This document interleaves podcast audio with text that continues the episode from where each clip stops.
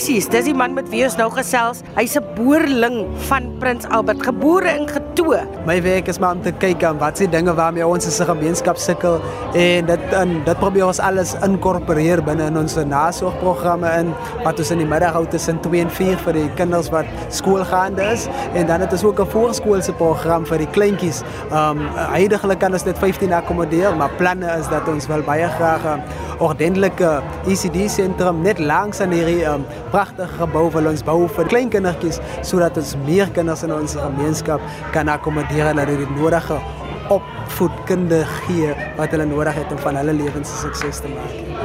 Sê gou my, hoe het jy betrokke geraak? Van waar daai liefde, daai gemeenskapsding wat jou so dryf? Hy ek wou altyd 'n onderwyser gewees het en na skool het ek onderwys gaan studeer, maar ek het toe nie klaar gemaak. Die dinge het so lekker vir my uitgewerk nie. Toe het ek betrokke geraak by 'n uh, jeugorganisasie in Touwsrivier, um, Schools for Christ. En ons het reg deur skole gegaan, so ek kon nog steeds my pas uitleef om saam jong mense te werk. Ek het altyd 'n passie gehad om saam jong mense te werk. En dit is ook waar die trust vir my raak gesien het omdat ek van Prins Albert is en die trust elke jaar uh, gemeenskapsfees hou en hulle kunstenaars gesoek het om te perform. Toe hulle vir my een keer gebel toe ek in die Noord-Kaap en ek kon nou ek het sommer op slag ja ja gesê sonder om te dink. En toe ek nou na vele jare by die huis kom toe besluit ek ek gaan maar aanbly. En kort dat ek dink die sentrum daai tyd was tog bestuur deur goed gedag wat uh, gebaseer is in Riebeek Wes. En ek het by hulle eerste begin werk in in 2020 toe die sentrum toe maak toe vat pak oor en pak my sommer met bagasie en al saamgevat. En dit is hoe ek in 'n netedop betrokke geraak het by die Pek sentrum. Wat is jou drome vir 'n dorpie soos Prins Albert? My die jo, ek sou baie graag wou sien dat ons jong mense bo hulle omstandighede uitstyg. Um, ons almal sit maar met dieselfde uitdagings, um, dwelmmisbruik, um, tiener swangerskappe en maar die gewone ewels wat um, gemeenskappe um, laat swaar kry.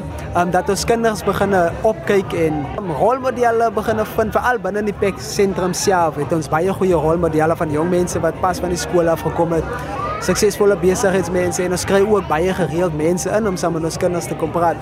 My droom is is net dat ons kinders nie meer verskoning soek om nie te kan bereik wat hulle baie graag wil, wil bereik.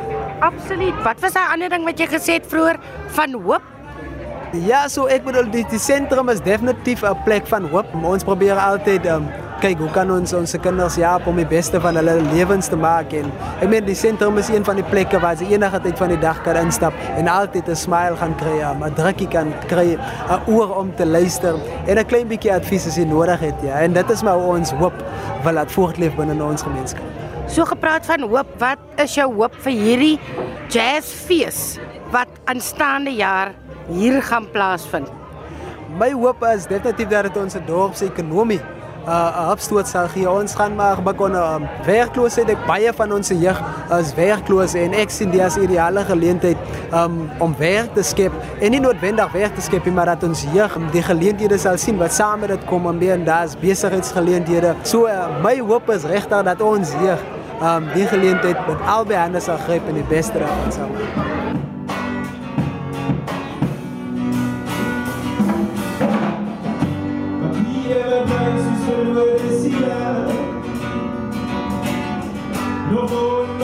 Sy is baie plat op die aarde. Sy sê ons moet net na haar verwys as een van die span. Dis Ingrid Wolfhard wat voor my sit. Sy het 'n wonderlike reusagtige hoed op. Ek is mal daaroor. Luister, ek het 'n hele versameling hoede. Mense ken my glad nie in die dorp as ek nie 'n hoed op my kop het nie. Dis my ding daai. Vertel ons 'n bietjie van die sentrum waar ons nou sit, Ingrid. So 10 jaar, 11 jaar terug, stap ek in die strate van Prins Albert. Ons het 'n ou huis hierso en dit voel net vir my, "Sjoe, daar's so baie kinders op die straat."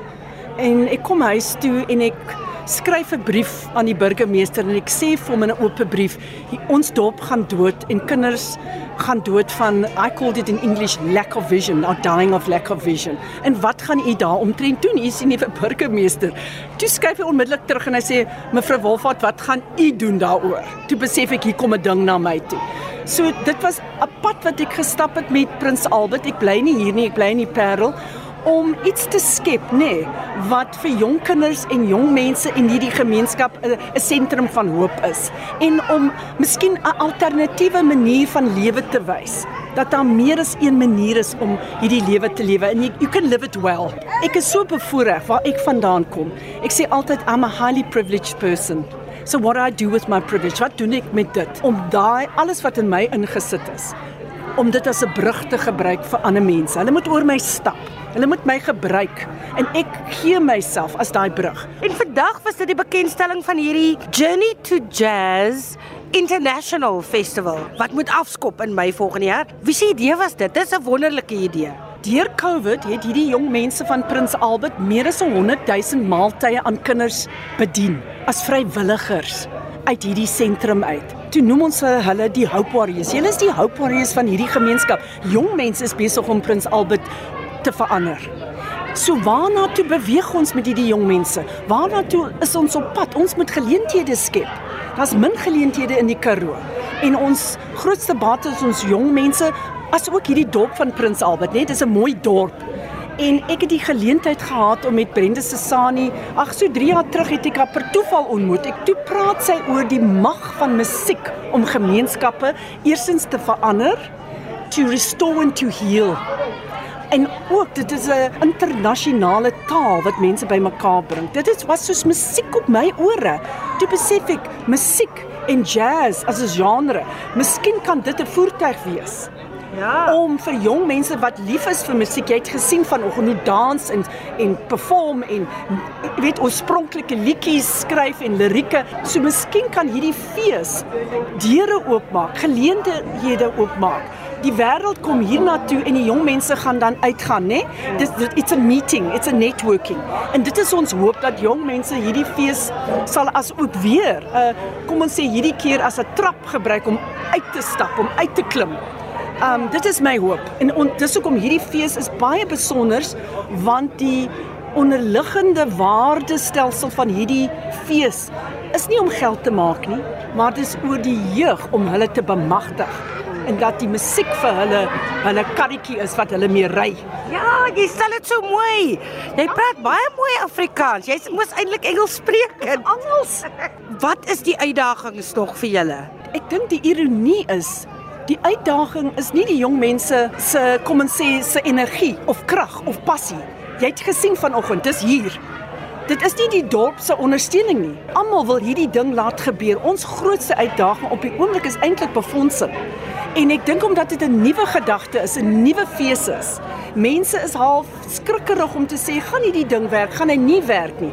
Maar die laaste 10 jaar het my gewys as die passie daar is, as die krag daar is, as die energie daar is, as die motief suiwer is, sal dit 'n sukses wees. So ons moet net daai persoon kry wat in hierdie droom en hierdie visie glo wat ons gaan back né? Nee? Ja. Ja, ons soek hy een. Jy kan dit nie op jou eie doen nie. 'n One man show is verby. As ons kan jong mense daai aha oomblik in hulle lewens gee waar hulle besef al die mag en die krag en die talent wat nodig is om 'n sukses in die lewe te wees, sit hier binne.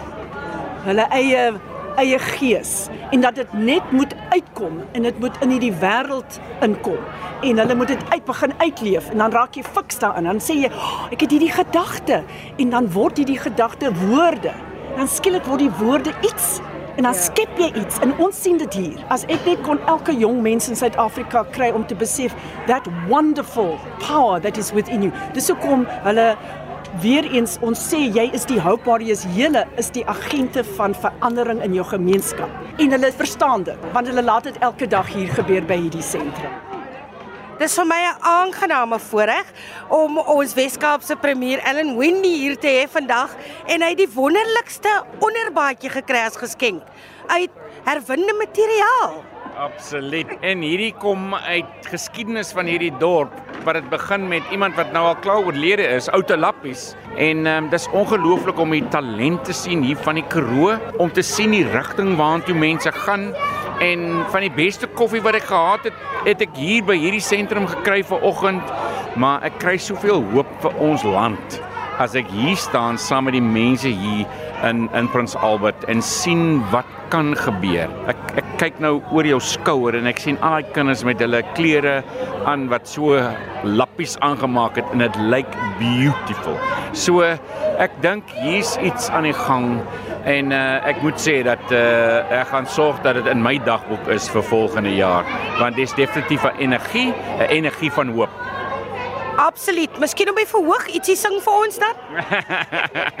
nee, ek het al klaar gesê ek mag eers sing in die stort by die huis. So uh, ja, ek is ek is een van die mense wat sal baie baie hard skree en fluit maar maar uh, nie sing nie. ons het kunstenaars hier wat uh, skrik vir niks. So ek uh, ja nee, ek sal myself baie skaam voel as ek as ek so moet daar begin.